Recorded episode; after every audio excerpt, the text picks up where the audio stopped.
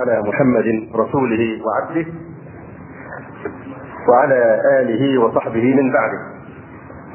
أما بعد فإن الصلاة هي آكد أركان الإسلام بعد الشهادتين وهي أفضل الأعمال بعدهما لكونها وضعت على أكمل وجوه العبادة وأحسنها ولجمعها متفرق العبودية وتضمنها أقسامها. وهي أول ما اشترطه رسول الله صلى الله عليه وسلم بعد التوحيد. وهي رأس العبادات البدنية. وهي دين الأمة ضرورة لم تخل منها شريعة مرسل. وهي فرض عين بالكتاب والسنة والإجماع. فرضها الله ليلة المعراج على نبيه صلى الله عليه وسلم في السماء بخلاف سائر الشرائع. فدل على حرمتها وتأكد وجوبها على كل مسلم مكلف. لا تسقط عنه بحال من الأحوال بخلاف غيرها من الأركان. ومع هذه الأهمية وهذا المقام العظيم للصلاة شاع في هذا الزمان زمان الغربة الثانية تهاون الناس بها وتفريطهم في حقها مع انهماكهم في صنوف اللهو واللعب وتهالكهم على جيفة الدنيا وحطامها. فمن ثم تمس الحاجة في مثل هذه الأيام إلى التذكير بعظم قدرها وجسامة خطرها. وكثير من القضايا كما ذكرنا من قبل لا يكون المقصود بها في المقام الأول الإخوة الملتزمون وإنما يكون المقصود هو أن يحمل الإخوة هذه المعاني إلى غيرهم من الناس ممن يعني هم بالفعل يقعون في التفريط في حق يعني مثل هذه الأركان ومثل هذه الواجبات.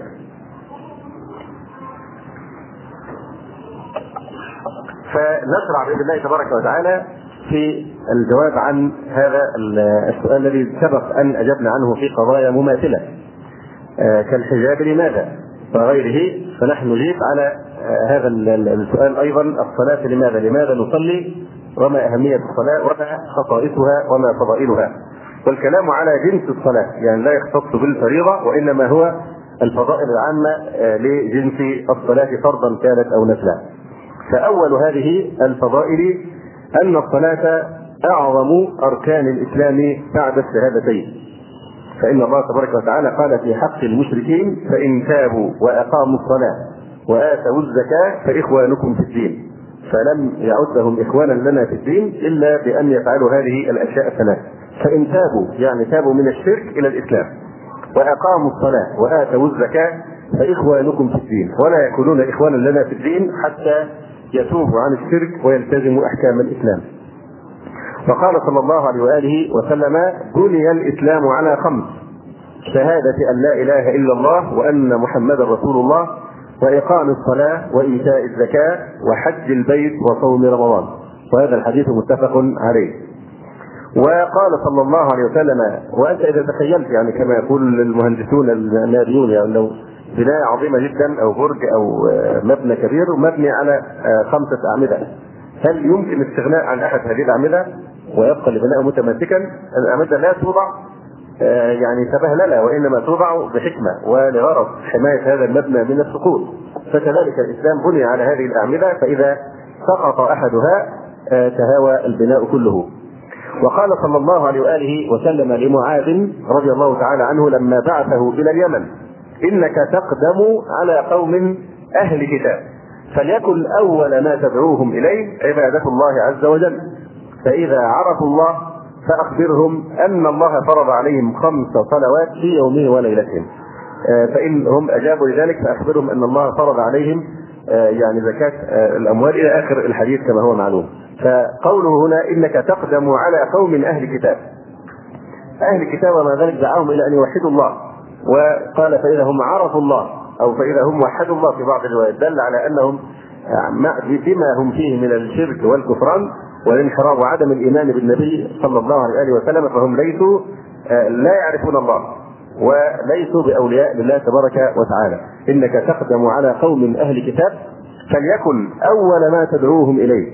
عبادة الله عز وجل. وانظر كيف يعلم النبي صلى الله عليه وسلم الداعية إلى الله عز وجل مراعاة هذه الأولويات. فليكن أول أهم شيء هو عبادة الله تبارك وتعالى. في لفظ آخر قال فليكن أول ما تدعوهم إلى أن يوحدوا الله.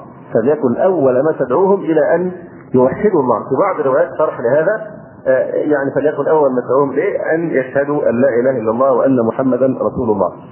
سر هذه الأولية أو هذه الأولوية هو أن الصلاة صلة بين العبد والرب. يعني ذكر أولا قال فليكن أول ما تدعوهم إليه عبادة الله عز وجل. هذه كلمة عبادة شرحت في موضع آخر بالشهادتين. شرحت في موضع آخر أن يوحدوا الله أنها هي التوحيد. ثم قال فإذا عرفوا الله فإذا عرفوا الله فأخبرهم. يعني إذا كما يقول بعض العلماء الصلات تابعة للصفات. الصلات تابعة للصفات. في أي يعني هيكل إداري في مستشفى في مصنع في مدرسة في أي شيء الصلة بين المدير مثلا وبين من تحت سلطانه أو الصلة بين الناس بعضهم وبعض الموظفين حسب صفة هذا الشخص حسب صفته كل أو في الجيش أو الرتب وهذه الأشياء. فالصلات تتبع الصفات. طبيعة العلاقة بينهما والمسؤوليات وغير ذلك تتبع الصفة ولله المثل الأعلى. فالصلاة صلة صلة بين العبد وبين الرب تبارك وتعالى. ولذلك أشار أولا إلى أول شيء وأهم شيء هو معرفة الله عز وجل معرفة صفات الله. من هو الله الذي نتصل به عبر هذه الصلاة؟ فالصلاه صلة بين العبد وبين الرب. وهي صلة فريدة لا نظير لها ولا مثال لها لا يدركها إلا من عرف صفة العبد وصفة الرب. والصلات تابعة للصفات ونابعة منها. لذلك لهجت الكتب والكتب السماوية بالصفات قبل أن تحدد الصلات دائما الرسالات السماوية ترثي هذا الأمر وتفصله وتوضحه اولا الصفات صفات الرب تبارك وتعالى وصفات العباد الله عز وجل هو الغني المطلق. العباد هم الفقراء إلى الله والله هو الغني الحميد وغير ذلك.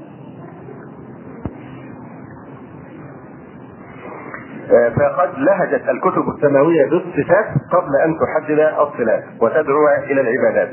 وتسن الفرائض وتحث على الطاعات. ومن ثم نلاحظ دائما أن العقيدة تكسب العمل والعبادة ونلاحظ أن الرسل عليهم وعلى نبينا الصلاه والسلام دعوا إلى توحيد الله في أسمائه وصفاته وأفعاله ودعوا إلى تنزيهه وتقديسه ومعرفته المعرفة الصحيحة قبل أن يدعوا إلى أي شيء آخر. والقرآن الكريم نفسه أكثر شاهد على ذلك فهذا المعنى واضح جدا هنا في هذا الحديث إنك تقدم على قوم أهل كتاب فليكن أول ما تدعوهم إليه عبادة الله عز وجل فإذا عرفوا الله فأخبرهم أن الله فرض عليهم خمس صلوات في يومهم وليلتهم والحديث متفق عليه. وقال صلى الله عليه وسلم أمرت أن أقاتل الناس حتى يشهدوا أن لا إله إلا الله وأن محمدا رسول الله ويقيموا الصلاة ويؤتوا الزكاة فإذا فعلوا ذلك عصموا مني دماءهم وأموالهم إلا بحق الإسلام وحسابهم على الله وهذا الحديث متفق عليه. وعن أبي سعيد رضي الله تعالى عنه أن رجلا وطبعا الناس هنا مقصود بها المشركون أمرت أن أقاتل الناس حتى يشهدوا أن لا إله إلا الله. هذا في حق المشركين. أما الكتابيون فإنهم يقبل منهم يعني ال ال ال ال يعني ال يبقوا على دينهم مقابل أن يدفعوا الجزية.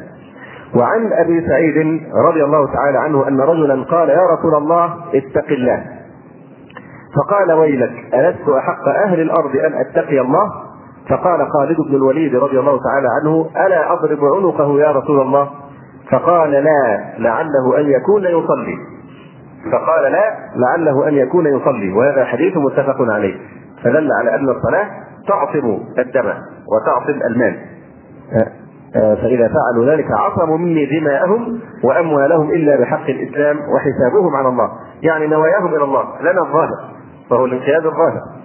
أما الشفاء على النوايا وما في الباطن فلا يعلمه إلا الله تبارك وتعالى وهو الذي يحاسبهم عليه. ولذلك صح أيضا أن النبي صلى الله عليه وآله وسلم كان إذا غزا مع أصحابه رضي الله تعالى عنه واقتربوا من قرية فإنهم لا لا يبادرون بغزوها ولكن ينتظر.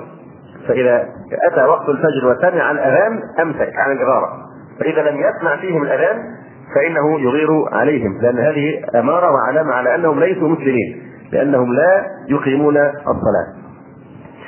آه، فهذا فيما يتعلق بأن الصلاة هي أعظم أركان الإسلام بعد الشهادتين وأنها عاصمة للدم والمال. الأمر الفضيلة الثانية أن الصلاة هي أهم أمور الدين أهم أمور الدين على الإطلاق فهي أجل مباني الدين بعد التوحيد. ومحلها في الدين محل الرأس من الجسد. فكما أنه لا حياة لمن لا رأس له فكذلك لا دين لمن لا صلاة له. كان أمير المؤمنين عمر بن الخطاب رضي الله تعالى عنه يكتب إلى الآفاق. يقول إن أهم أموركم عندي الصلاة. إن أهم أموركم عندي الصلاة. فمن حفظها فقد حفظ دينه ومن ضيعها فهو لما سواها أضيع. ولا حظ في الإسلام لمن ترك الصلاة لأن الصلاة عون على باقي أركان الدين. يعني هل يمكن أن تتخيل رجلا يحافظ على الصلوات الخمس في جماعة ولا يفوت الصلاة ثم يأتي مثلا في رمضان فيفطر رمضان؟ عمدا لا يمكن تجد لكن تجد العكس. تجد ممكن يصوم رمضان لكن لا يصلي. لأن الصيام مرة واحدة في السنة أما الصلاة فهي يعني وظيفة متكررة في اليوم أو الليلة خمس مرات. فمن حافظ على الصلاة سهلت عليه كل أركان الإسلام الأخرى الصيام والزكاة والحج وغير ذلك. أما من ضيع الصلاة فهو أولى أن يضيع غيرها فإذا هانت عليه الصلاة يهون عليه آه، غيرها. إن أهم أموركم عندي الصلاة فمن حفظها فقد حفظ دينه ومن ضيعها فهو لما سواها أضيع. ولا حظ في الإسلام لمن ترك الصلاة. فالصلاة عون على باقي أركان الدين لأنها تذكر العبد جلالة الربوبية وذلة العبودية وأمر الثواب والعقاب فعند ذلك يسهل عليه الانقياد للطاعة. ولذلك قال تعالى واستعينوا بالصبر والصلاة وقال صلى الله عليه وسلم رأس الأمر الإسلام وعموده الصلاة وذروة سنامه الجهاد في سبيل الله رأس الأمر الإسلام وعموده الصلاة وذروة سنمه الجهاد في سبيل الله فالصلاة قوام الدين الذي يقوم به كما يقوم الخباء على عموده. وهل يرفع الخباء ألف وسد إن لم يكن له عماد في الوسط؟ تعرفون تركيب الخيمة. الخيمة يكون لها العمود الفصاص في الوسط ثم من الأركان بتكون فيه الأوتاد فهل ينفع أن تقوم خيمة بالاوتاد فقط أم لابد من العمود الذي في المركز هذا؟ واضح فإذا هوى هذا العمود ما بقي شيء في البناء فكذلك من ضيع الصلاة وعن المسور ابن مخرمه رضي الله عنه قال دخلت على عمر بن الخطاب رضي الله عنه وهو مسجى يعني بعد ما طعن رضي الله تعالى عنه فقلت كيف ترونه؟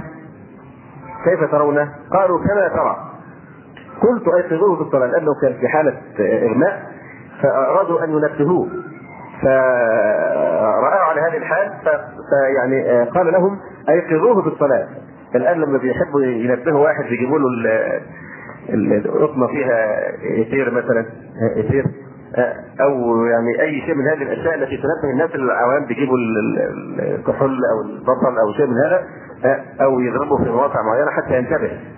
الذي يغمى عليه ونبه بهذه الطريقة الآن. أما انظر إلى عمر بن الخطاب رضي الله عنه ما هو المنبه الذي نبهه وهو في هذه الغيبوبة آه، بعد أن طعن هذه الطعنة القاتلة رضي الله تعالى عنه. فماذا قال المسور؟ قال قلت أيقظوه بالصلاة. ذكروه بالصلاة فتجدوه يهب حتى ولو كان مغمى عليه. فقلت أيقظوه بالصلاة فإنكم لن توقظوه بشيء أفزع له من الصلاة. فقالوا الصلاة يا أمير المؤمنين. فقال هالله إذا هالله إذا ولا حق في الإسلام لمن ترك الصلاة. فصلى وإن جرحه ليسعب دما. رضي الله تعالى عنه. يعني يسعب دما يعني يتفجر ويسيل منه الدم.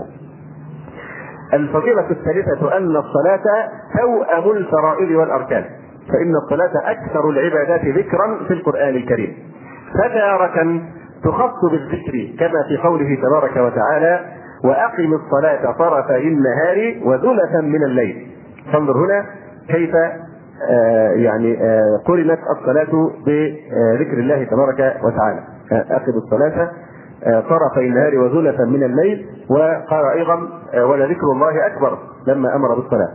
وتارة تقرن بالصبر كقول الله تبارك وتعالى يا أيها الذين آمنوا استعينوا بالصبر والصلاة. تارة تقرن بالزكاة. وأقيموا الصلاة وآتوا الزكاة. وتارة تقرن بالجهاد. يا أيها الذين آمنوا اركعوا واسجدوا واعبدوا ربكم وافعلوا الخير لعلكم تفلحون وجاهدوا في الله حق جهاده. وعن عائشة رضي الله عنها أن رسول الله صلى الله عليه وسلم قال ثلاث أحلف عليهن لا يجعل الله تعالى من له سهم في الإسلام كمن لا سهم له. هل يستوي من له سهم ومن لا سهم له؟ لا يجعل الله تعالى من له سهم في الإسلام كمن لا سهم له وأسهم الإسلام ثلاثة الصلاة والصوم والزكاة وهذا الحديث صحيح وما ذكر الله سبحانه وتعالى الصلاة مقرونة بغيرها من الفرائض إلا قدم الصلاة عليها. وقد ذكرت الصلاة في مفتتح أعمال البر وخواتمها كما ترى في سورة المؤمنون وسورة المعارج قد أفلح المؤمنون الذين هم في صلاتهم خاشعون ثم ذكر جملة من آيات من صفات الأعمال الأبرار. وبدأها بالصلاة وختمها بالصلاة لأن الصلاة هي السياج الذي يحيط بكل هذه الأعمال. فالصلاة توأم الفرائض والأركان. أيضا الصلاة أم العبادات. فقد كلف العبد أن تستحوذ الصلاة على كل كيانه ظاهرا وباطنا. وأن تستغرق قلبه ولسانه وجوارحه يقول الله تعالى وقوموا لله قانتين وقال صلى الله عليه وسلم إن في الصلاة لشغلا وهذا متفق عليه. نلاحظ أن المصلي حرم عليه الأكل والشرب والالتفات والحركة بخلاف ما عدا الصلاة من العبادات التي تفرض على بعض الجوارح دون بعض. نلاحظ هناك عبادات تكون على بعض الجوارح دون بعض. فالصائم مثلا له أن يتكلم الصائم يتكلم ويتحرك. آه المجاهد أيضا يلتفت ويتكلم. الحاج له أن يأكل ويشرب. أما الصلاة ففيها ألوان العبودية الشاملة للقلب والعقل والبدن واللسان. فللسان الشهادتان والتكبير والتعوذ والبسملة وتلاوة القرآن والتسبيح والتحميد والاستغفار والأدعية. وللجوارح قيام وركوع وسجود واعتدال وخفض ورفع وقعود وللعقل تفكر وتدبر وتفهم وتفقه وللقلب خشوع ورقة وخوف وطمع والتفات وضراعة وبكاء. يقول الإمام المحقق ابن قيم الجوزية رحمه الله تعالى ولما كانت الصلاة مشتملة على القراءة والذكر والدعاء وهي جامعة لأجزاء العبودية على أتم الوجوه كانت أفضل من كل من القراءة والذكر والدعاء بمفرده لجمعها ذلك كله مع عبودية سائر الأعضاء.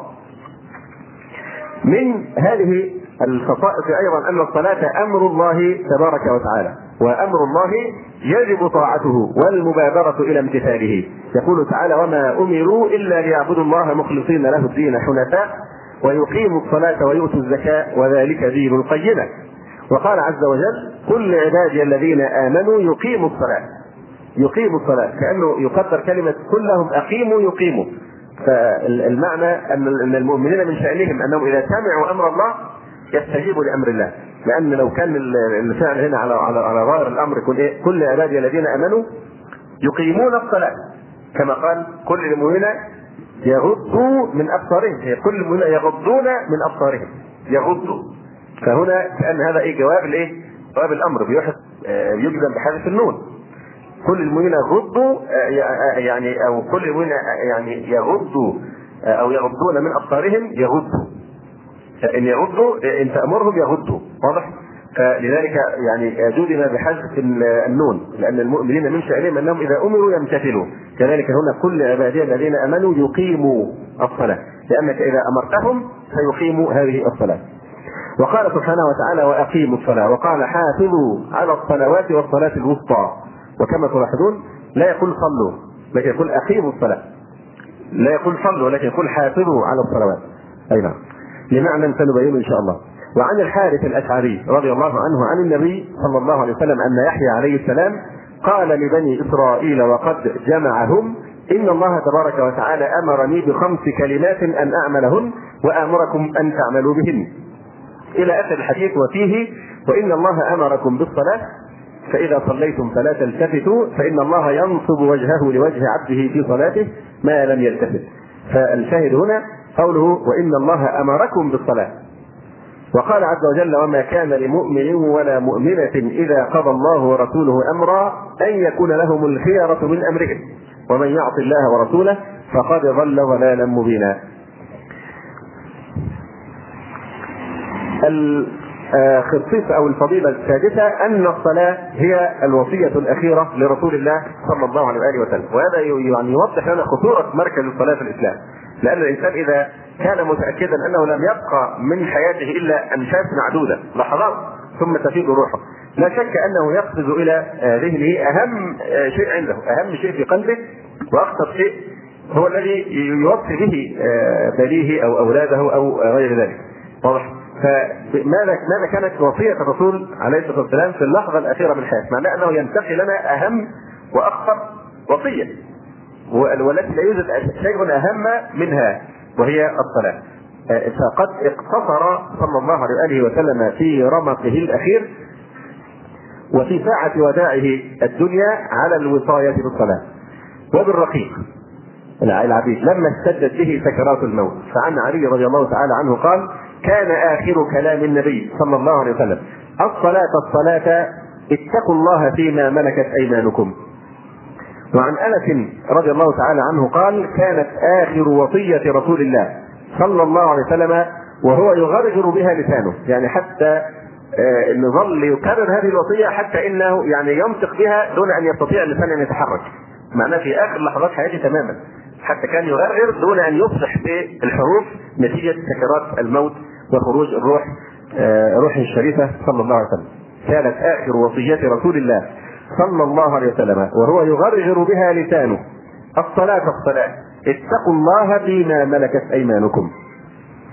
أيضا من هذه الفضائل والخصائص أن الصلاة مرآة عمل المسلم وميزان تعظيم الدين في قلب المؤمن. إذا أردت أن آه، تتابع إيمانك زيادة ونقصانا إذا أردت أن تبحث عن تعظيم الدين في قلبك أو في قلب غيرك فانظر ما موقفك من الصلاة. فالصلاة ميزان الأعمال. بها يتابع الإنسان زيادة إيمانه ونقصانه. كما يتابع الطبيب بمقياس الحرارة حرارة المريض. فعن أنس رضي الله عنه أن النبي صلى الله عليه وسلم قال أول ما يحاسب به العبد يوم القيامة الصلاة فإن صلحت صلح له سائر عمله. وإن فسدت فسد سائر عمله. لأن الصلاة في الدنيا أيضا إن صلحت صلح له سائر العمل. وإن فسدت الصلاة يفسد سائر عمله. وإن حافظ عليها فهو لما سواها أحفظ وإن ضيعها فهو لما سواها أضيع. والناس يتفاضلون في الصلاة قبل أن يتفاضلوا في غيرها. من فضل فضل علم أو ذكاء. يعني المفاضلة بين الناس تكون في المقام الأول بحسب حظهم من الصلاة. وهي المقياس الصحيح. للمفاضلة بين الناس. وبها يحكم على دين الرجل ومكانته في الإسلام. ولن وليس امتياز هؤلاء الرجال الذين قلد التاريخ ذكرهم وكان لهم فضل في الأقران والمعاصرين ولسان ولسان صدق في الآخرين إلا لامتيازهم في هذه الصلاة. جميع عظماء الإسلام إذا راجعنا سيرهم ويعني تراجمهم فسنجد تعظيم الصلاة وأنها كانت شيئا مهما جدا في حياتهم في مقدمة ما يمتازون به على غيرهم وهو الأمر الذي أوجب لهم حسن آه، الذكر أو الفضل بين الأقران الذين كانوا في عصرهم ولسان الصدق في الآخرين إلى أن تقوم الساعة. وتفوقهم أيضا على أضرابهم وأنه لأنهم بلغوا في الصلاة درجة الإحسان ووصلوا فيها إلى أسمى مكان. على الجانب الآخر نرى أن كل مستخف بالصلاة مستهين بها فهو مستخف بالإسلام مستهين به. انظروا إلى هؤلاء العلمانيين من الصحفيين وغيرهم من أعداء الدين. هل يمكن أن تتخيل أن واحد من هؤلاء يعني يحافظ على الصلاة؟ لو كان يحافظ على الصلاة كما أمر الله تبارك وتعالى لما صارت منه هذه الكفريات لما طعن في الدين هذا الطعن. ابدا لا يمكن. لا يمكن انسان يتصور أن إلا إذا كان منافقا يظهر الصلاة ولكن يقع كما قال تعالى ولتعرفنهم في لحن القول. أن هذه أشياء تنم عن احتقار الإسلام. يصرحون تصريحات يكرهون الدين يكرهون الرسول يكرهون الله عز وجل يكرهون القرآن يكرهون الحكم بما أنزل الله. فهذا يعني كله آه، يعني يدل لابد أن تجد كل واحد من هؤلاء المجرمين مرضى القلوب لابد أن يكون مستخفا بالصلاه لابد أن يكون مستخفا بالصلاه مضيعا لها لأنه لا يمكن أن يستخفها بالاسلام إلا بعد أن يستخفها بالصلاة. فإذا لأنه كما ذكرنا لأن حظ المرء من الإسلام على قدر حظه من الصلاة. ولذلك تجد المصلي مهما وقع في التفريط وفي التفسير يكون فيه أمل يكون مثل يعني التليفون الذي فيه حرارة قابل للخطاب وقابل للإصلاح والعلاج. أما التليفون الميت هذا الذي ليس فيه حرارة يمكن أن تستعمله للكلام أو الاتصال فكذلك هذا الذي لا يصلي لا خير فيه.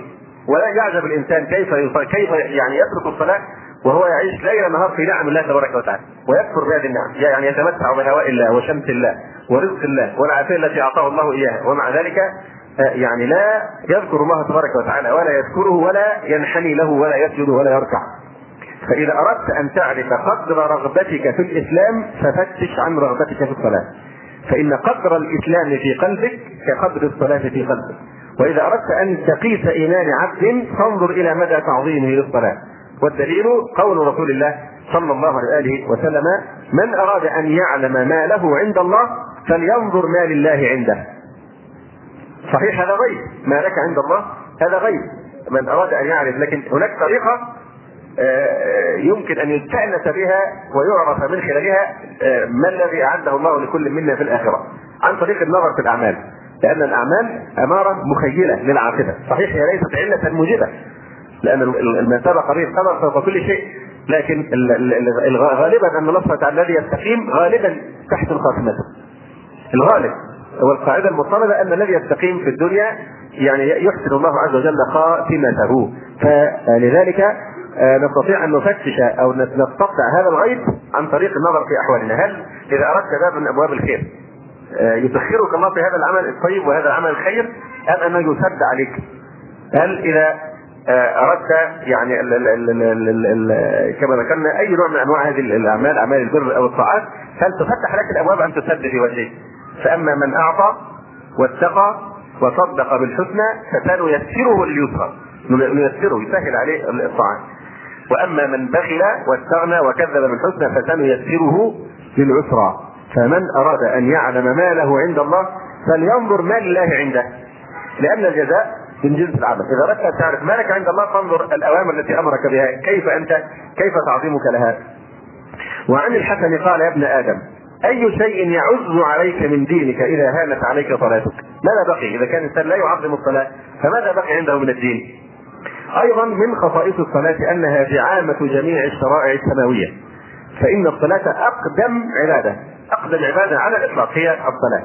ولأنها من مستلزمات الإيمان لم تخل منها شريعة من الشرائع ولم تنسخ فيما نسخ منها إذ لا خير في دين الله صلاة فيه. ولهذا حث عليها جميع رسل الله وأنبيائه عليهم وعلى نبينا الصلاة والسلام. فقد حكى الله عز وجل عن إبراهيم عليه السلام دعاءه رب اجعلني مقيم الصلاة ومن ذريتي. رب اجعلني مقيم الصلاة ومن ذريتي. ونوه جل وعلا بشأن إسماعيل عليه السلام فقال سبحانه وتعالى وكان يأمر أهله بالصلاة والزكاة وكان عند ربه مرضيا. هل نحن نأمر أهلنا وأولادنا بالصلاة؟ هل نحاسبهم؟ آه يعني على تضييع الصلاة والتقصير فيها. آه كما نحاسبهم على الواجبات المدرسية يعني يحصل الحقيقة اهتمام بأمور يعني من أسفه ما تكون وإهمال لأشياء أساسية كالصلاة. تجد الأمر ممكن أن الأولاد آه، تكون الجو يكون الجو يعني بردا شديدا مثلا أو حتى غير شديد ويشفق على الأولاد أن يوقظهم لصلاه الفجر. شيء مؤسف جدا إن هذا يعني آه، يخالف يعني أو هذا من الرأفة في دين الله. والرأفة في دين الله منهي عنها. قال الله عز وجل ولا تأخذكم بهما رأفة في دين الله. إن كنتم تؤمنون بالله واليوم الآخر هذا انحراف. ليس هذا عطفا وليس حنانا. هذا تفريط في حق الله عز وجل. هذه خيانة للأمانة. لماذا؟ هذه رأفة في دين الله. ترأف أنت آه، يعني كما ينبغي الا نرأس بالزاني والزانية ونقيم عليهم حد الله. كذلك آه، لا يجوز ابدا ان الرأفة في دين الله في حق الأهل والأولاد إذا كانوا يقصرون في الصلاة. فهذا انحراف وليس رحمة وليس حنانا وليس يعني آه، برا بالأبناء لكنه تضييع لهم تضييع لهم. ويعني قد قال عليه الصلاة والسلام كلكم راع وكلكم مسؤول عن رعيته. وقال سبحانه وتعالى مخاطبا موسى عليه السلام إنني أنا الله لا إله إلا أنا فاعبدني وأقم الصلاة لذكري. ونادت الملائكة مريم أم عيسى عليهما السلام يا مريم اقنتي لربك واسجدي واركعي مع الراكعين. وقال عيسى عليه السلام محدثا بنعمة ربه سبحانه وتعالى عليه وجعلني مباركا أينما كنت وأوصاني بالصلاة. والزكاة ما دمت حيا لا دين أبدا بدون صلاة. وقد أخذ الله الميثاق على بني إسرائيل فجعل إقامة الصلاة من أهم مواد هذا الميثاق. وإذ أخذنا ميثاق بني إسرائيل لا تعبدون إلا الله.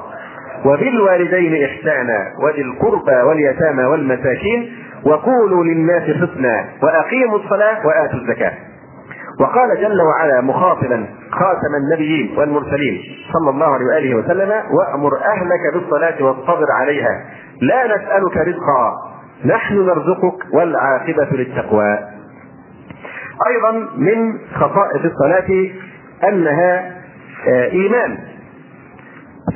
فقد سمى الله تبارك وتعالى الصلاة إيمانا في قوله تبارك وتعالى وما كان الله ليضيع إيمانكم. والمقصود بالآية يعني صلاتكم عند صلاتكم إلى بيت المقدس. وكذا فعل رسول الله صلى الله عليه وسلم في قوله آمركم بأربع وأنهاكم عن أربع. آمركم بالإيمان بالله وحده. أتدرون ما الإيمان بالله وحده؟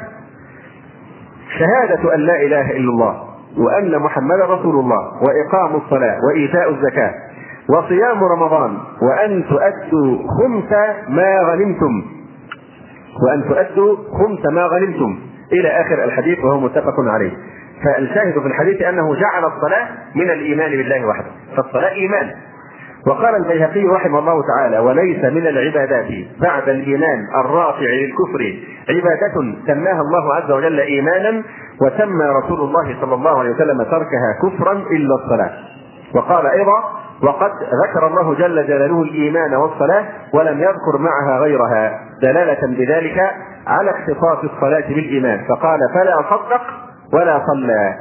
لماذا يوجد يوجد تلازم بين الإيمان وبين الصلاة وبين الكفر وبين ترك الصلاة. قال فلا صدق ولا صلى. لم يقل فلا صدق ولا صلى ولا زكى ولا حج ولا إلى آخره. لكن قال يقتصر على ذكر الإيمان الصلاة مقترنة بالإيمان لجسامة خطرها. يعني فلا هو صدق برسول الله صلى الله عليه وآله وسلم وآمن به ولا صلى. وقال تعالى أيضا في آية يقرن فيها بين الصلاة وبين الإيمان. يقول تعالى وإذا قيل لهم اركعوا لا يركعون فبأي حديث بعده يؤمنون؟ فهم لا يركعون وهم لا يؤمنون. فوبخهم على ترك الصلاة كما وبخهم على ترك الإيمان. وقد ذكر الله جل جلاله الصلاة وحدها دلالة بذلك على أنها عماد أعمال الدين.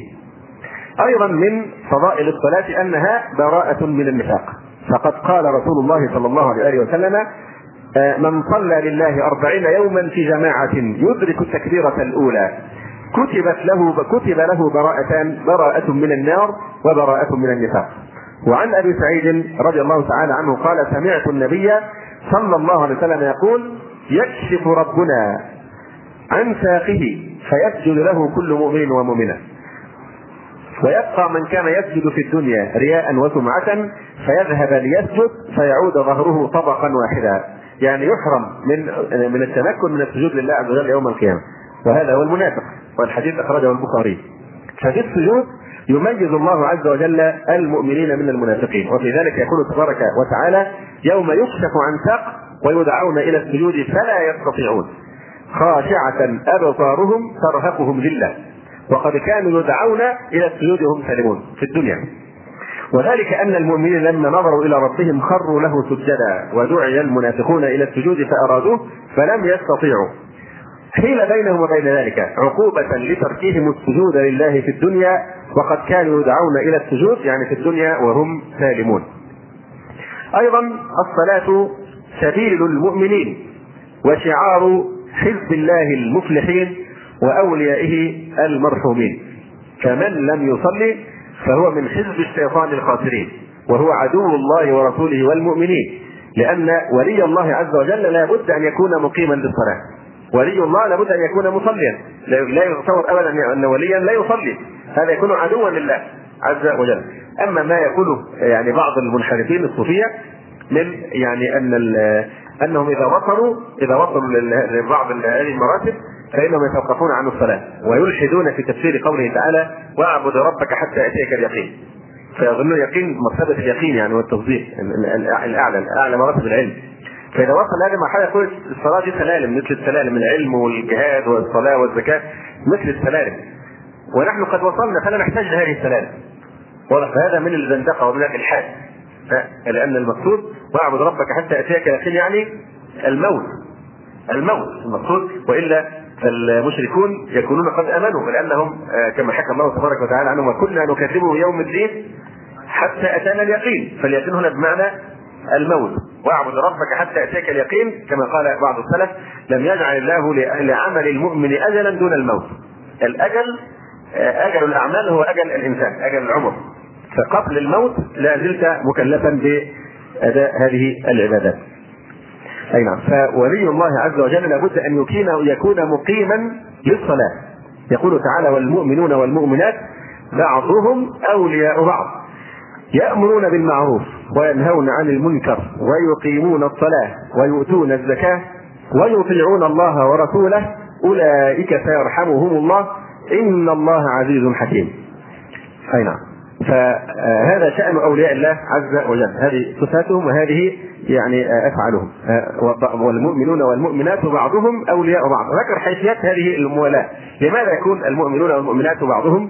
أولياء بعض. يأمرون بالمعروف. انظر إلى صيغة الجماعة هنا. يأمرون بالمعروف وينهون عن المنكر ويقيمون الصلاة. فهذه من الصفات الأساسية لأولياء الله تبارك وتعالى ويؤتون الزكاة. الإتيان الزكاة والتعاون على إيتاء الزكاة وإعطائها مستحقيها. آه، نعود إلى موضوعنا وهو أن إقامة الصلاة هو من سبيل المؤمنين. وشعار حزب الله المفلحين وأوليائه المرحومين. يقول تعالى والمؤمنون والمؤمنات بعضهم أولياء بعض يأمرون بالمعروف وينهون عن المنكر ويقيمون الصلاة ويؤتون الزكاة ويطيعون الله ورسوله. أولئك سيرحمهم الله. إن الله عزيز حكيم. وعن إبراهيم ومجاهد في تفسير قوله تعالى واصبر نفسك مع الذين يدعون ربهم بالغداة والعشي. قال الصلوات الخمس.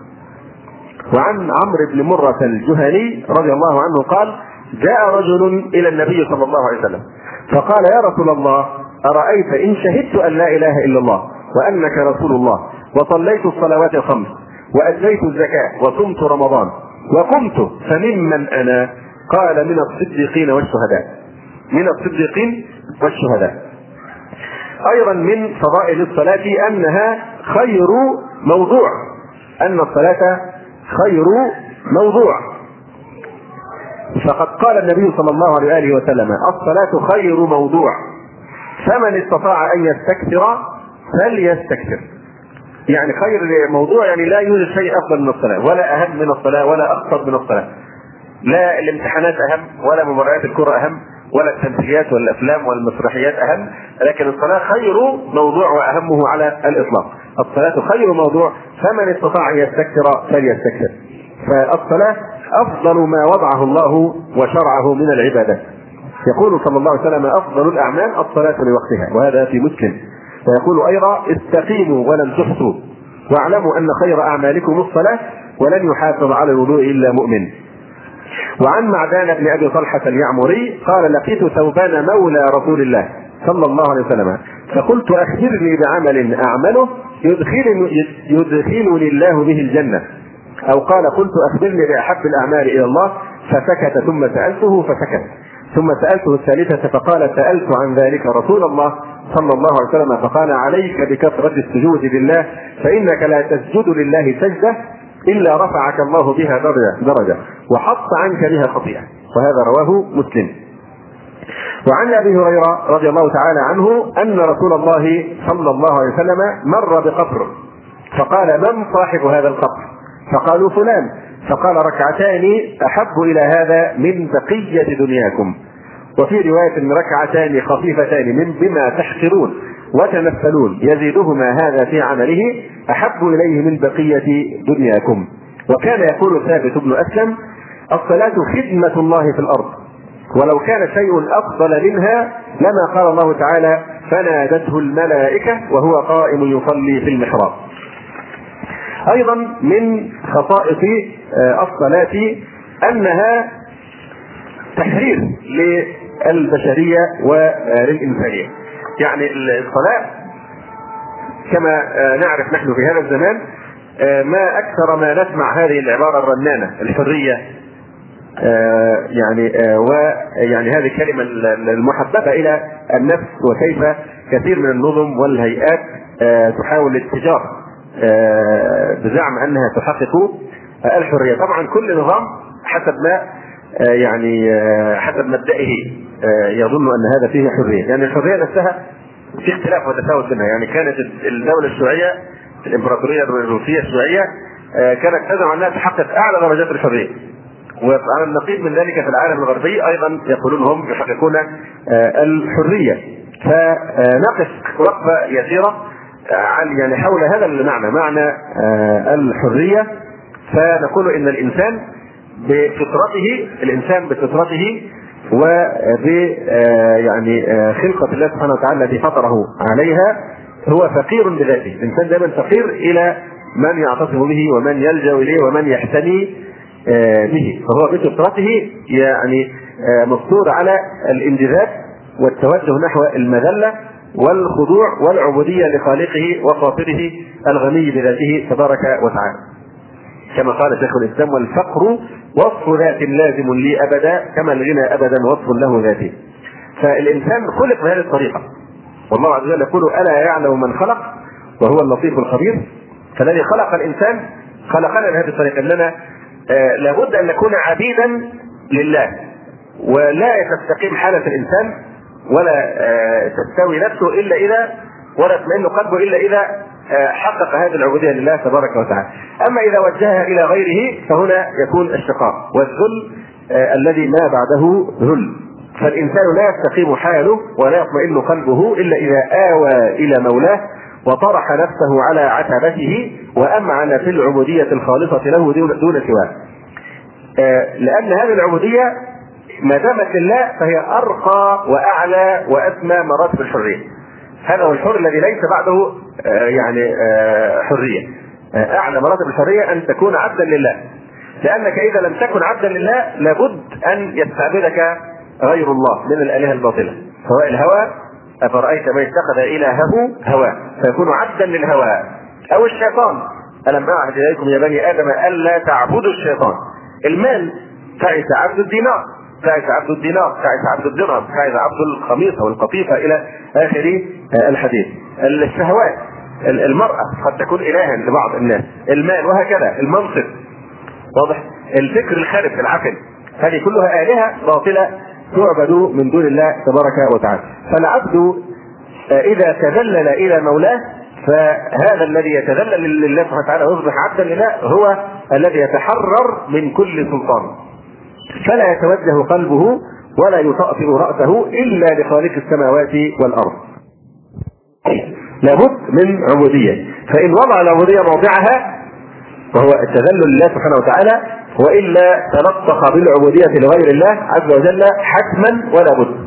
يستعبد الأنداد والشياطين. والمسلم يتحرر بإسلامه من سيطرة الهوى والشهوة. والسلطان الذي يسيطر عليه هو سلطان الدين الحنيف. يقول تبارك وتعالى وأما من خاف مقام ربه ونهى النفس عن الهوى فإن الجنة هي المأوى. فهي حرية لكن في صورة العبودية. صورتها صوره عبوديه لكن هي أعلى كما ذكرنا مراتب الحرية. ولا يمكن للبشرية أن تتحرر حقا إلا بتحقيق هذه العبودية. أما في غير الإسلام فالحرية جوفاء لا معنى لها. بل هي في الحقيقة العبودية المذلة المهينة وإن بدت في صوره الحرية. فالخضوع للطواغيت للمناهج والقوانين الوضعية التي بنيت على ما تهواه الأنفس بعيدا عن تشريع الخالق جل وعلا لا شك أن هذه عبودية لغير الله واي وأي عبودية. اتخذوا احبارهم ورهبانهم اربابا من دون الله والمسيح ابن مريم. فكل من لم يرضى بعبودية الله لابد أن يقع في عقاب ما نص تعالى في عبودية لغير الله. لكن ما فيش إنسان بدون عبودية. كما يقول الشاعر هربوا من الرق الذي خلقوا له فبلوا برق الكفر والشيطان. هربوا من الرق العبوديه لله هربوا من الرق الذي خلقوا له فبلوا برق الكفر والشيطان. يقول الدكتور الأشقر حفظه الله تعالى في يوضح هذا المعنى. يقول ان مفهوم العبوديه لله في الإسلام يعني الحرية في أرقى صورها وأكمل مراتبها. العبودية لله إذا كانت صادقة تعني التحرر من سلطان المخلوقات والتعبد لها. فالمسلم ينظر إلى هذا الوجود نظرة صاحب السلطان. كل ما على هذه هذا الوجود الذي نحن فيه هو في الحقيقة مسخر للإنسان. فليس فيه شيء يصلح لأن يسخر الإنسان نفسه له. يعني يعني حكم العبودية. لابد من عبودية. فإن وضع العبودية موضعها وهو التذلل لله سبحانه وتعالى وإلا تلطخ بالعبودية لغير الله عز وجل حتما ولا بد. يستعبد الانداد والشياطين. والمسلم يتحرر بإسلامه من سيطرة الهوى والشهوة. والسلطان الذي يسيطر عليه هو سلطان الدين الحنيف. يقول تبارك وتعالى وأما من خاف مقام ربه ونهى النفس عن الهوى فإن الجنة هي المأوى. فهي حرية لكن في سورة العبودية. صورتها صورة عبودية لكن هي أعلى كما ذكرنا مراتب الحرية. ولا يمكن للبشرية أن تتحرر حقا إلا بتحقيق هذه العبودية. أما في غير الإسلام فالحرية جوفاء لا معنى لها. بل هي في الحقيقة العبودية المذلة المهينة وإن بدت في صورة الحرية. فالخضوع للطواغيت للمناهج والقوانين الوضعية التي بنيت على ما تهواه الأنفس. بعيدا عن تشريع الخالق جل وعلا لا شك أن هذه عبودية لغير الله وأي وأي عبودية. اتخذوا أحبارهم ورهبانهم اربابا. من دون الله والمسيح ابن مريم. فكل من لم يرضى بعبودية الله لابد أن يقع في عقاب ما نص تعالى في عبودية لغير الله. لكن ما فيش إنسان بدون عبودية.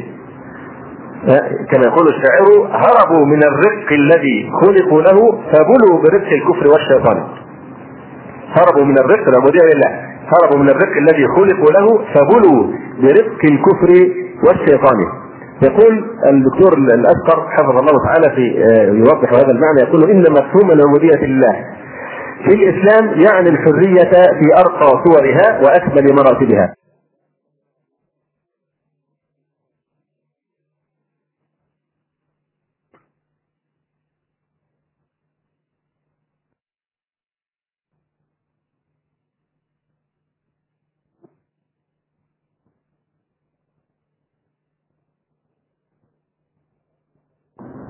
هربوا من الرق العبودية لله.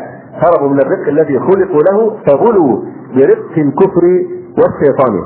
يقول الدكتور الاشقر حفظه الله تعالى في آه، يوضح هذا المعنى. يقول إن مفهوم العبوديه لله. في الإسلام يعني الحرية في أرقى صورها وأكمل مراتبها.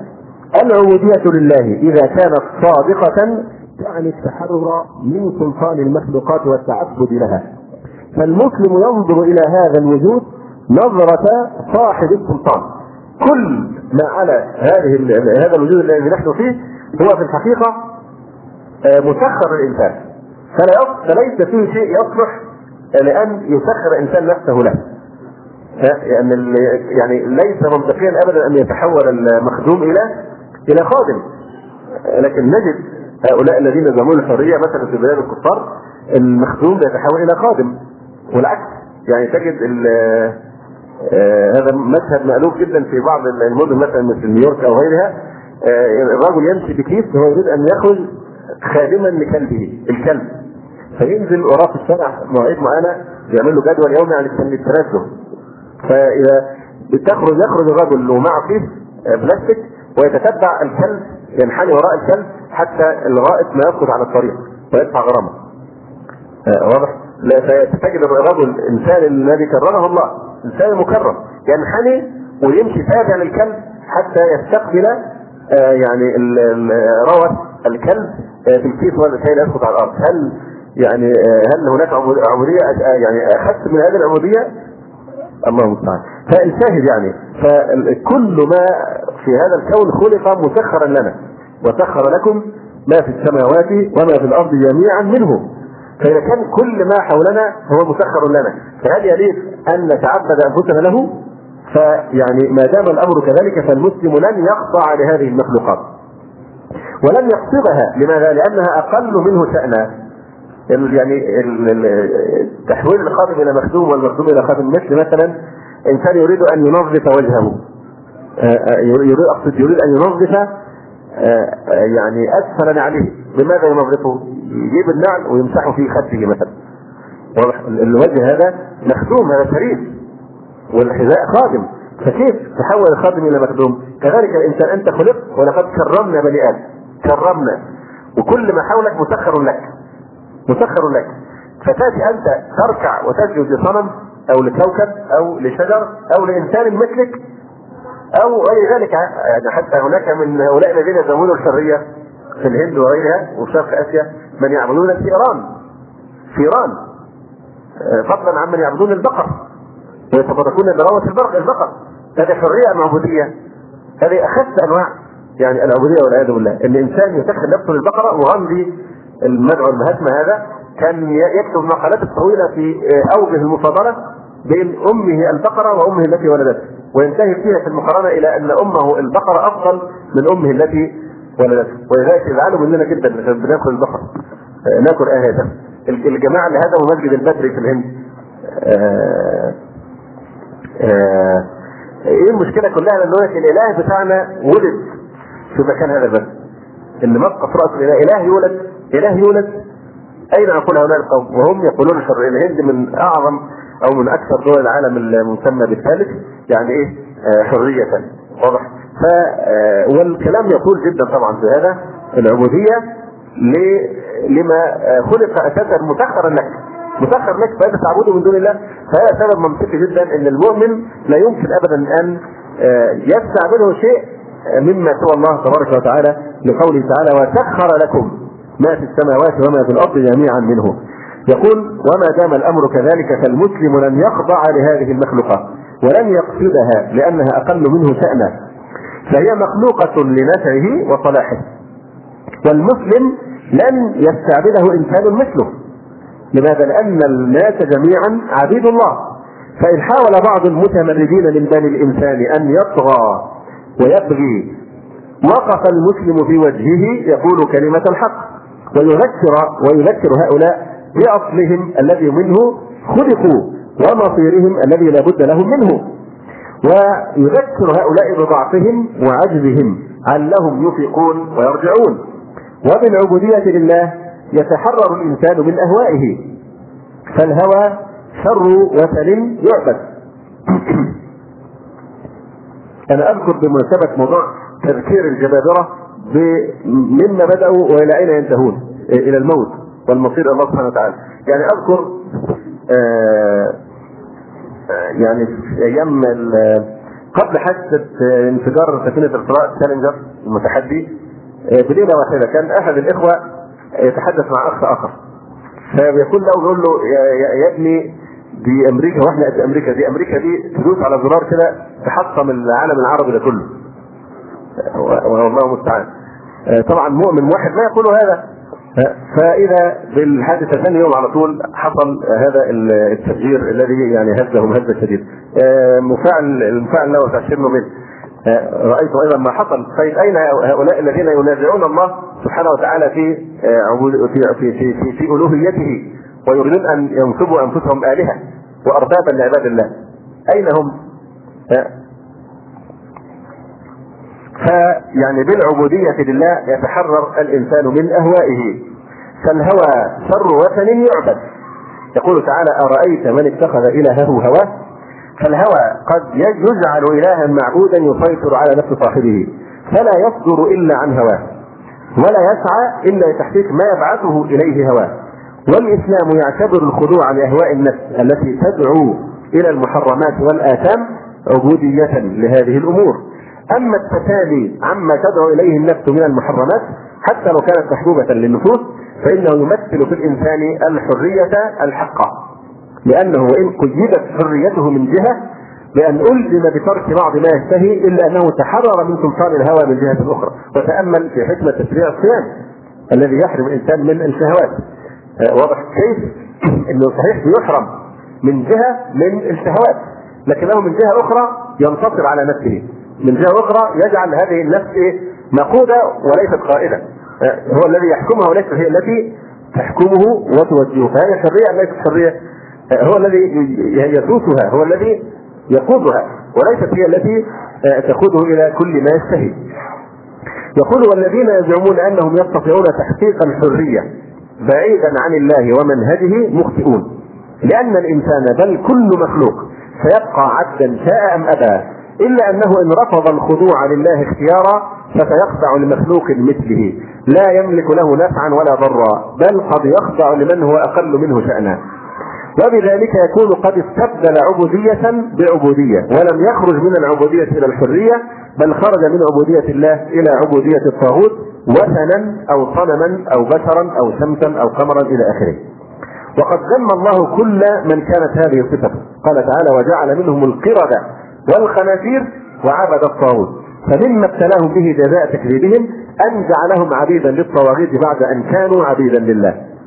يقول وفي هذه الأيام تتردد كلمة الحرية ويزعمون أن الثورة الفرنسية أعلنت هذا المبدأ وأن هيئة الأمم المتحدة أقرت الحرية مبدأ وليس الأمر كذلك فإن ما فعله هؤلاء أنهم أخرجوا الناس من عبودية نظام وقانون وطائفة إلى عبودية نظام آخر وقانون آخر وطائفة أخرى ولكن هؤلاء جميعا بقوا عبيدا.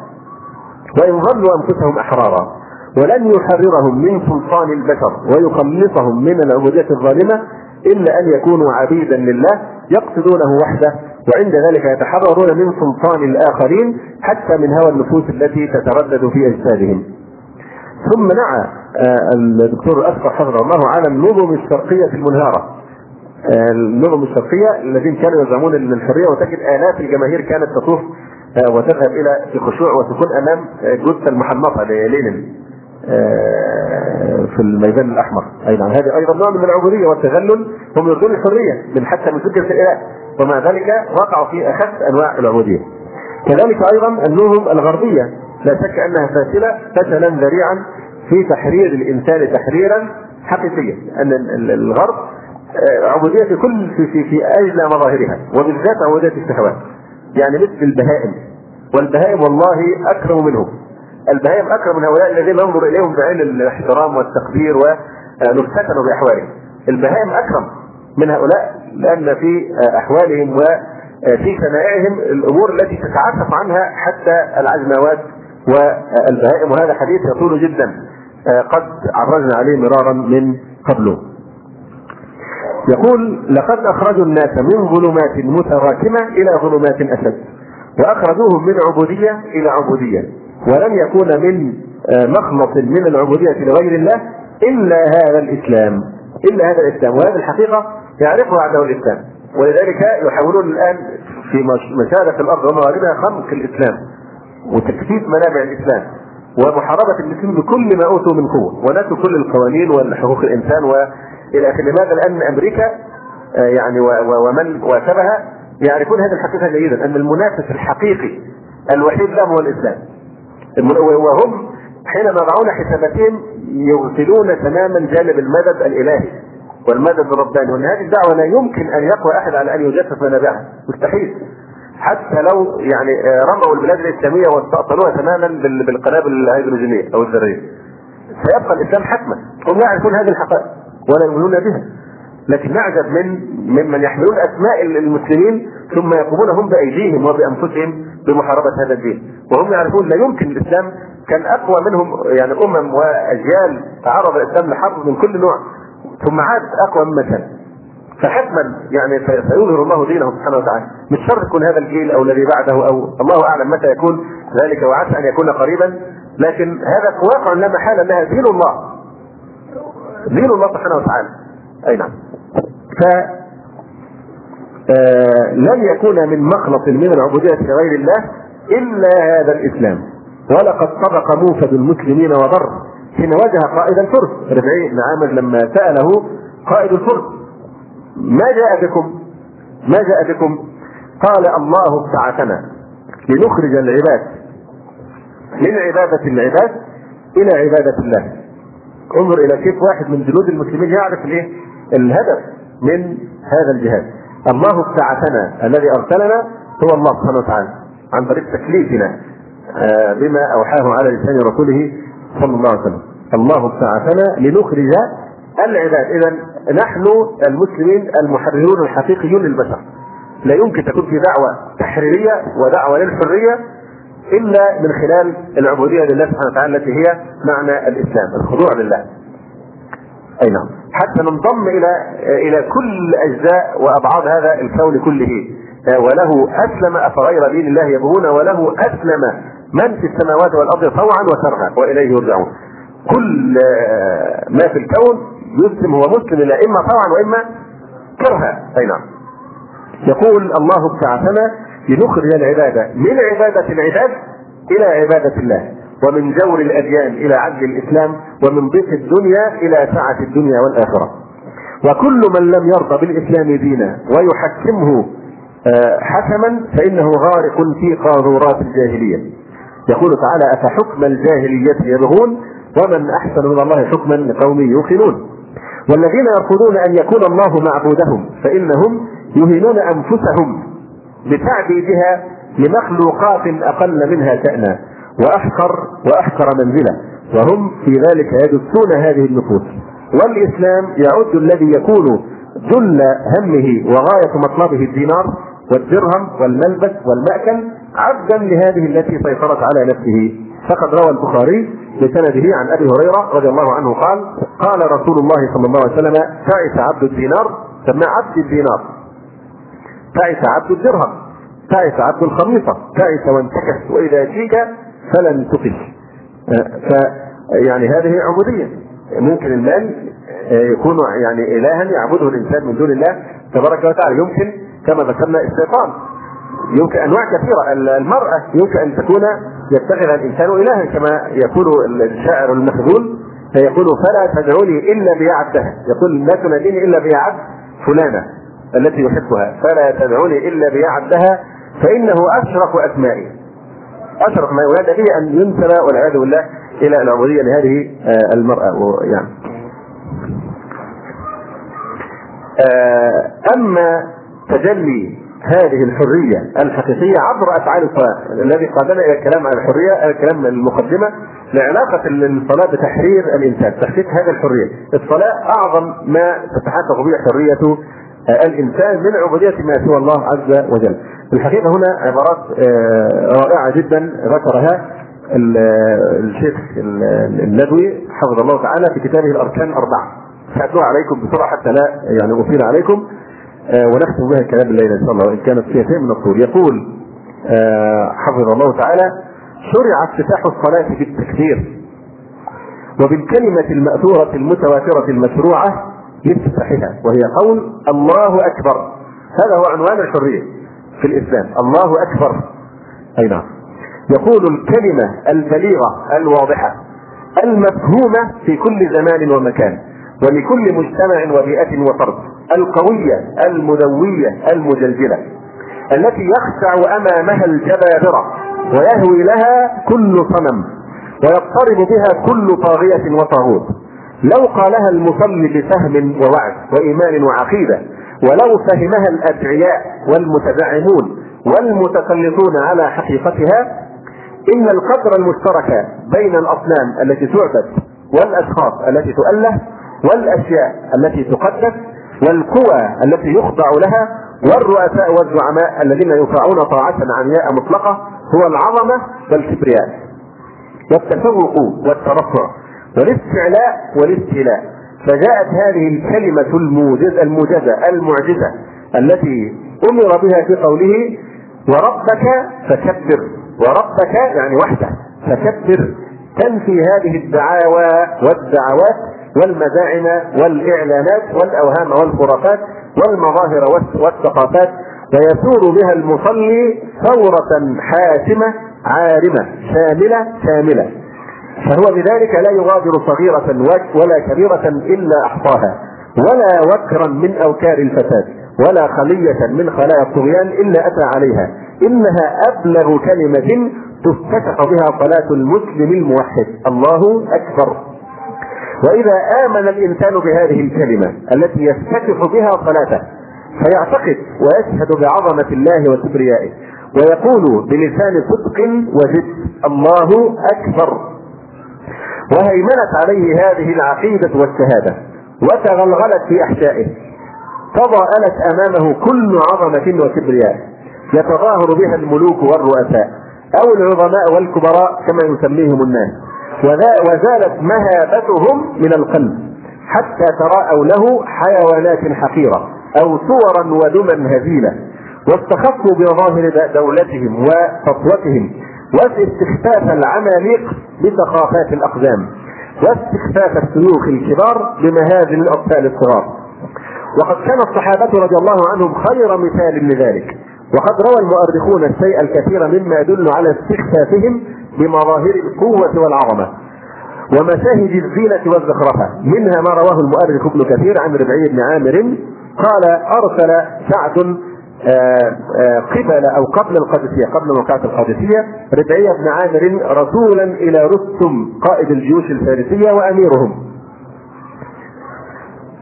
آه، وأميرهم. فدخل عليه وقد زينوا مجلسه بالنمارق المذهبة والزرابي الحرير.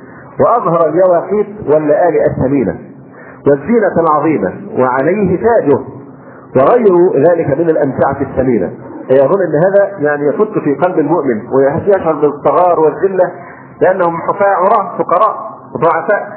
ماذا يملكون اذا هذه الفخامات وهذه القصور وهذا الذهب وهذه اليواقيت والجواهر والفرش وغير ذلك من الأمتعة الثمينه وقد جلس رستم على سرير من ذهب. ودخل ربعي بثياب صفيقه وسيف وترس وفرس قصيرة. لم يزل راكبها حتى داس بها على طرف البساط. أراد أن يمنعون يمشي على السجاجيد. طبعا السجاجيد عجلت فيعني فارسية. فرفض رفض أن أن أن, ينزل عن الفرس. بل مشى بالفرس اذلالا له. يقول كانه يقول لهم ان تريدون أن تذلوني بهذه المظاهر الجوفاء فأنا أذلكم بترسي وفرسي. أي نعم. فوطأ هذه الفرش ولم يزل راكب الفرس حتى داس بها على طرف البساط ثم نزل وربطها بتلك الوسائل ببعض تلك الوسائل.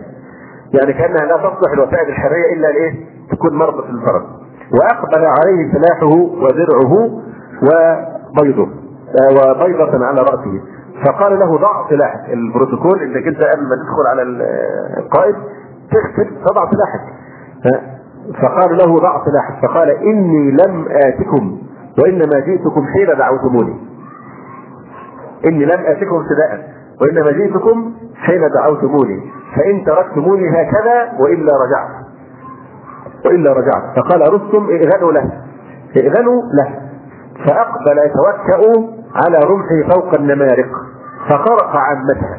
خرق عامة هذه يعني النمارق. أي نعم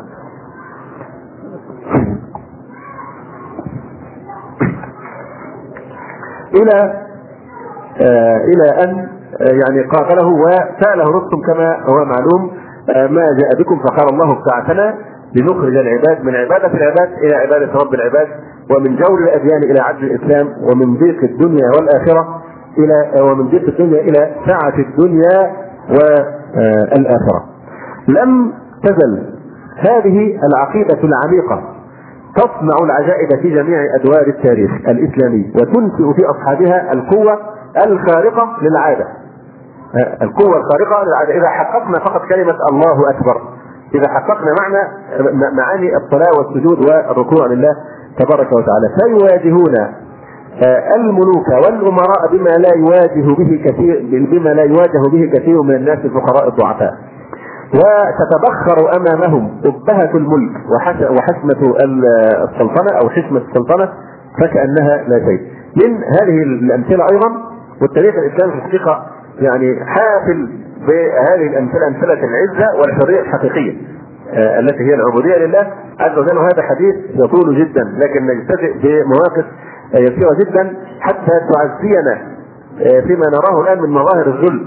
الظل الذي ما بعده ظل. يعني كلينتون لما ذهب إلى الأردن كي يوقع اتفاقيه السلام آه، اوقفوا كلينتون أوقف الملك والملكة على أرض المطار آه، لمدة ثلث ساعة. لماذا؟ ان كلينتون كان نايم. كان شيء من الراحة. فوقف جلالة الملك وجلالة الملكة على أرض المطار ثلث ساعة في الهواء الطلق. ينتظران أن يستيقظ يعني الطيارة نزلت على الأراضي الأردنية وحضرته عشان ما صحاش من النوم أو يعني يحتاج شيء, من الراحة. شوف الإذلال. يعني انظر الإذلال ويقول له كلينتون لقد حققت آه، يا جلالة الملك حلم جدك الملك عبد الله في إقامة وطن آمن لليهود آه، فإذلال ما بعده إذلال؟ وهو يرد ويقول له يعني آن لأولاد إبراهيم أن يعيشوا معا في سلام. الله المستعان فظل ما بعده ظل ولذلك هذا سبحان الله يعني ما مر أسبوع إلا وأذله الله أشد الظل وأشد الخزي آه هذا المدعو فيه الله المستعان. فقل اللهم مالك الملك.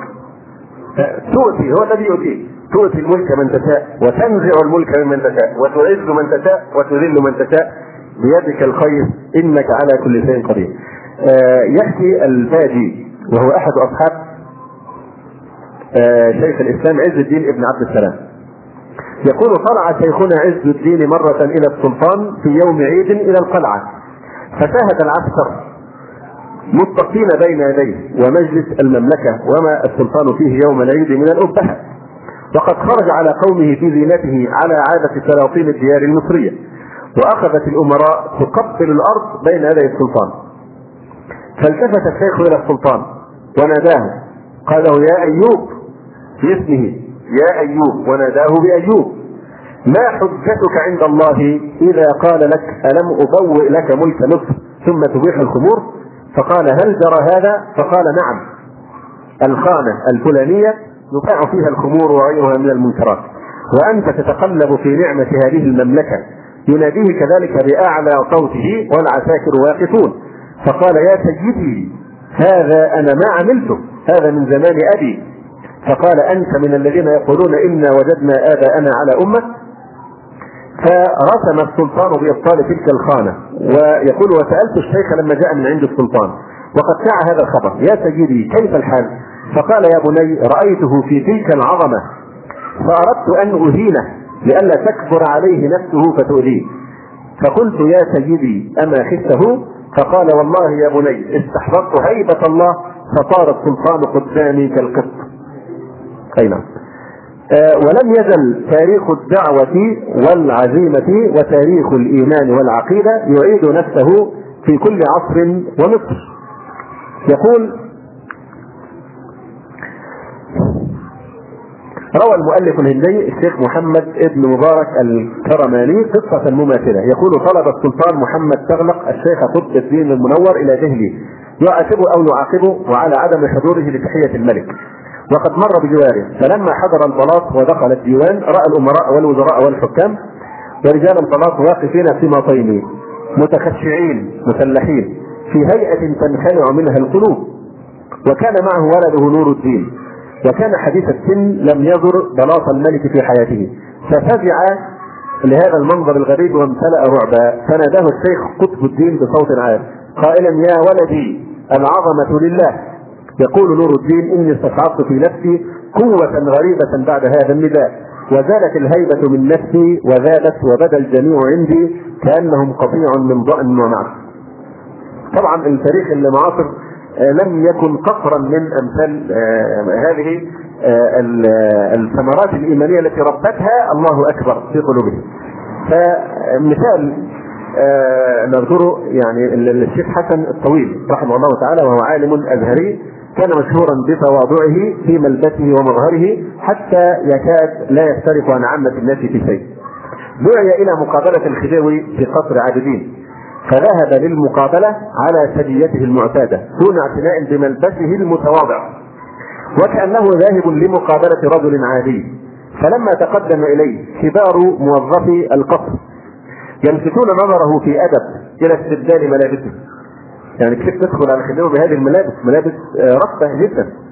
آه، كيف تدخل على الخديوي بهذه الملابس؟ يعني يحاولون إقناعه بأنه إيه يعني يخلع هذه الملابس ويلبس ملابس تليق بحضرة الملك أو الخديوي فلما لفتوا نظره في أدب إلى أن يستبدل ملابسه قبل أن يدخل على الخديوي صاح فيهم بثمن وشموخ وعزة وكبرياء العالم العامل. والله لا أخلعها. ألقى بها ربي كل يوم ولا ألقى بها الخديوي يقول الشيخ الندوي والحقيقة هذا كتاب الأركان الأربعة من الكتب التي آه، يعني حرمت الصحوة من ثمرتها من أروع الكتب في روح العبادة. الأركان الأربعة من أروع الكتب التي لم تعط حقها. يقول الشيخ حفظه الله ويتدرج المصلي في الخضوع والانحناء. فيفتتح الصلاة بالقيام فيثني بالركوع ويثلث بالسجود وهو شأن الخاضع الطبيعي. ولا آه يقول ولا يخر ساجدا من ركوع. مش يخر من الركوع للسجود لكن لابد اولا إيه؟ يقف وقفة قصيرة خفيفة ثم ينحني للسجود. ليكون أبلغ في الخشوع وأوقع في النفس وأدل على الذل لأن اذا هوى من الركوع إلى السجود آه، لا يكون في قوة إنه يرفع للسجود ثم يخر من أعلى إلى أسفل في مستوى قدمه باسرف ما في بدنه. ولذلك لا يمكن ابدا أن تتصور حتى المسلم العادي الذي يصلي لله انه يقبل ابدا أي شخص مهما كان حتى لو كان من احب الناس أن يقضي يامر أن يسجد له لا يمكن يسجد له. لا يمكن أن يسجد له إلا إلا طبعا الذين يخلص الله بصائرهم ما لنا بهم شأن. لكن مسلم آه، ولو كان من ابسط المسلمين السجود عنده لله. لأن أرفع مراتب الذل وهذه لا تكون إلا لله. وبالتالي فهو يتحرر من أن يفعلها لغير الله. تبارك وتعالى.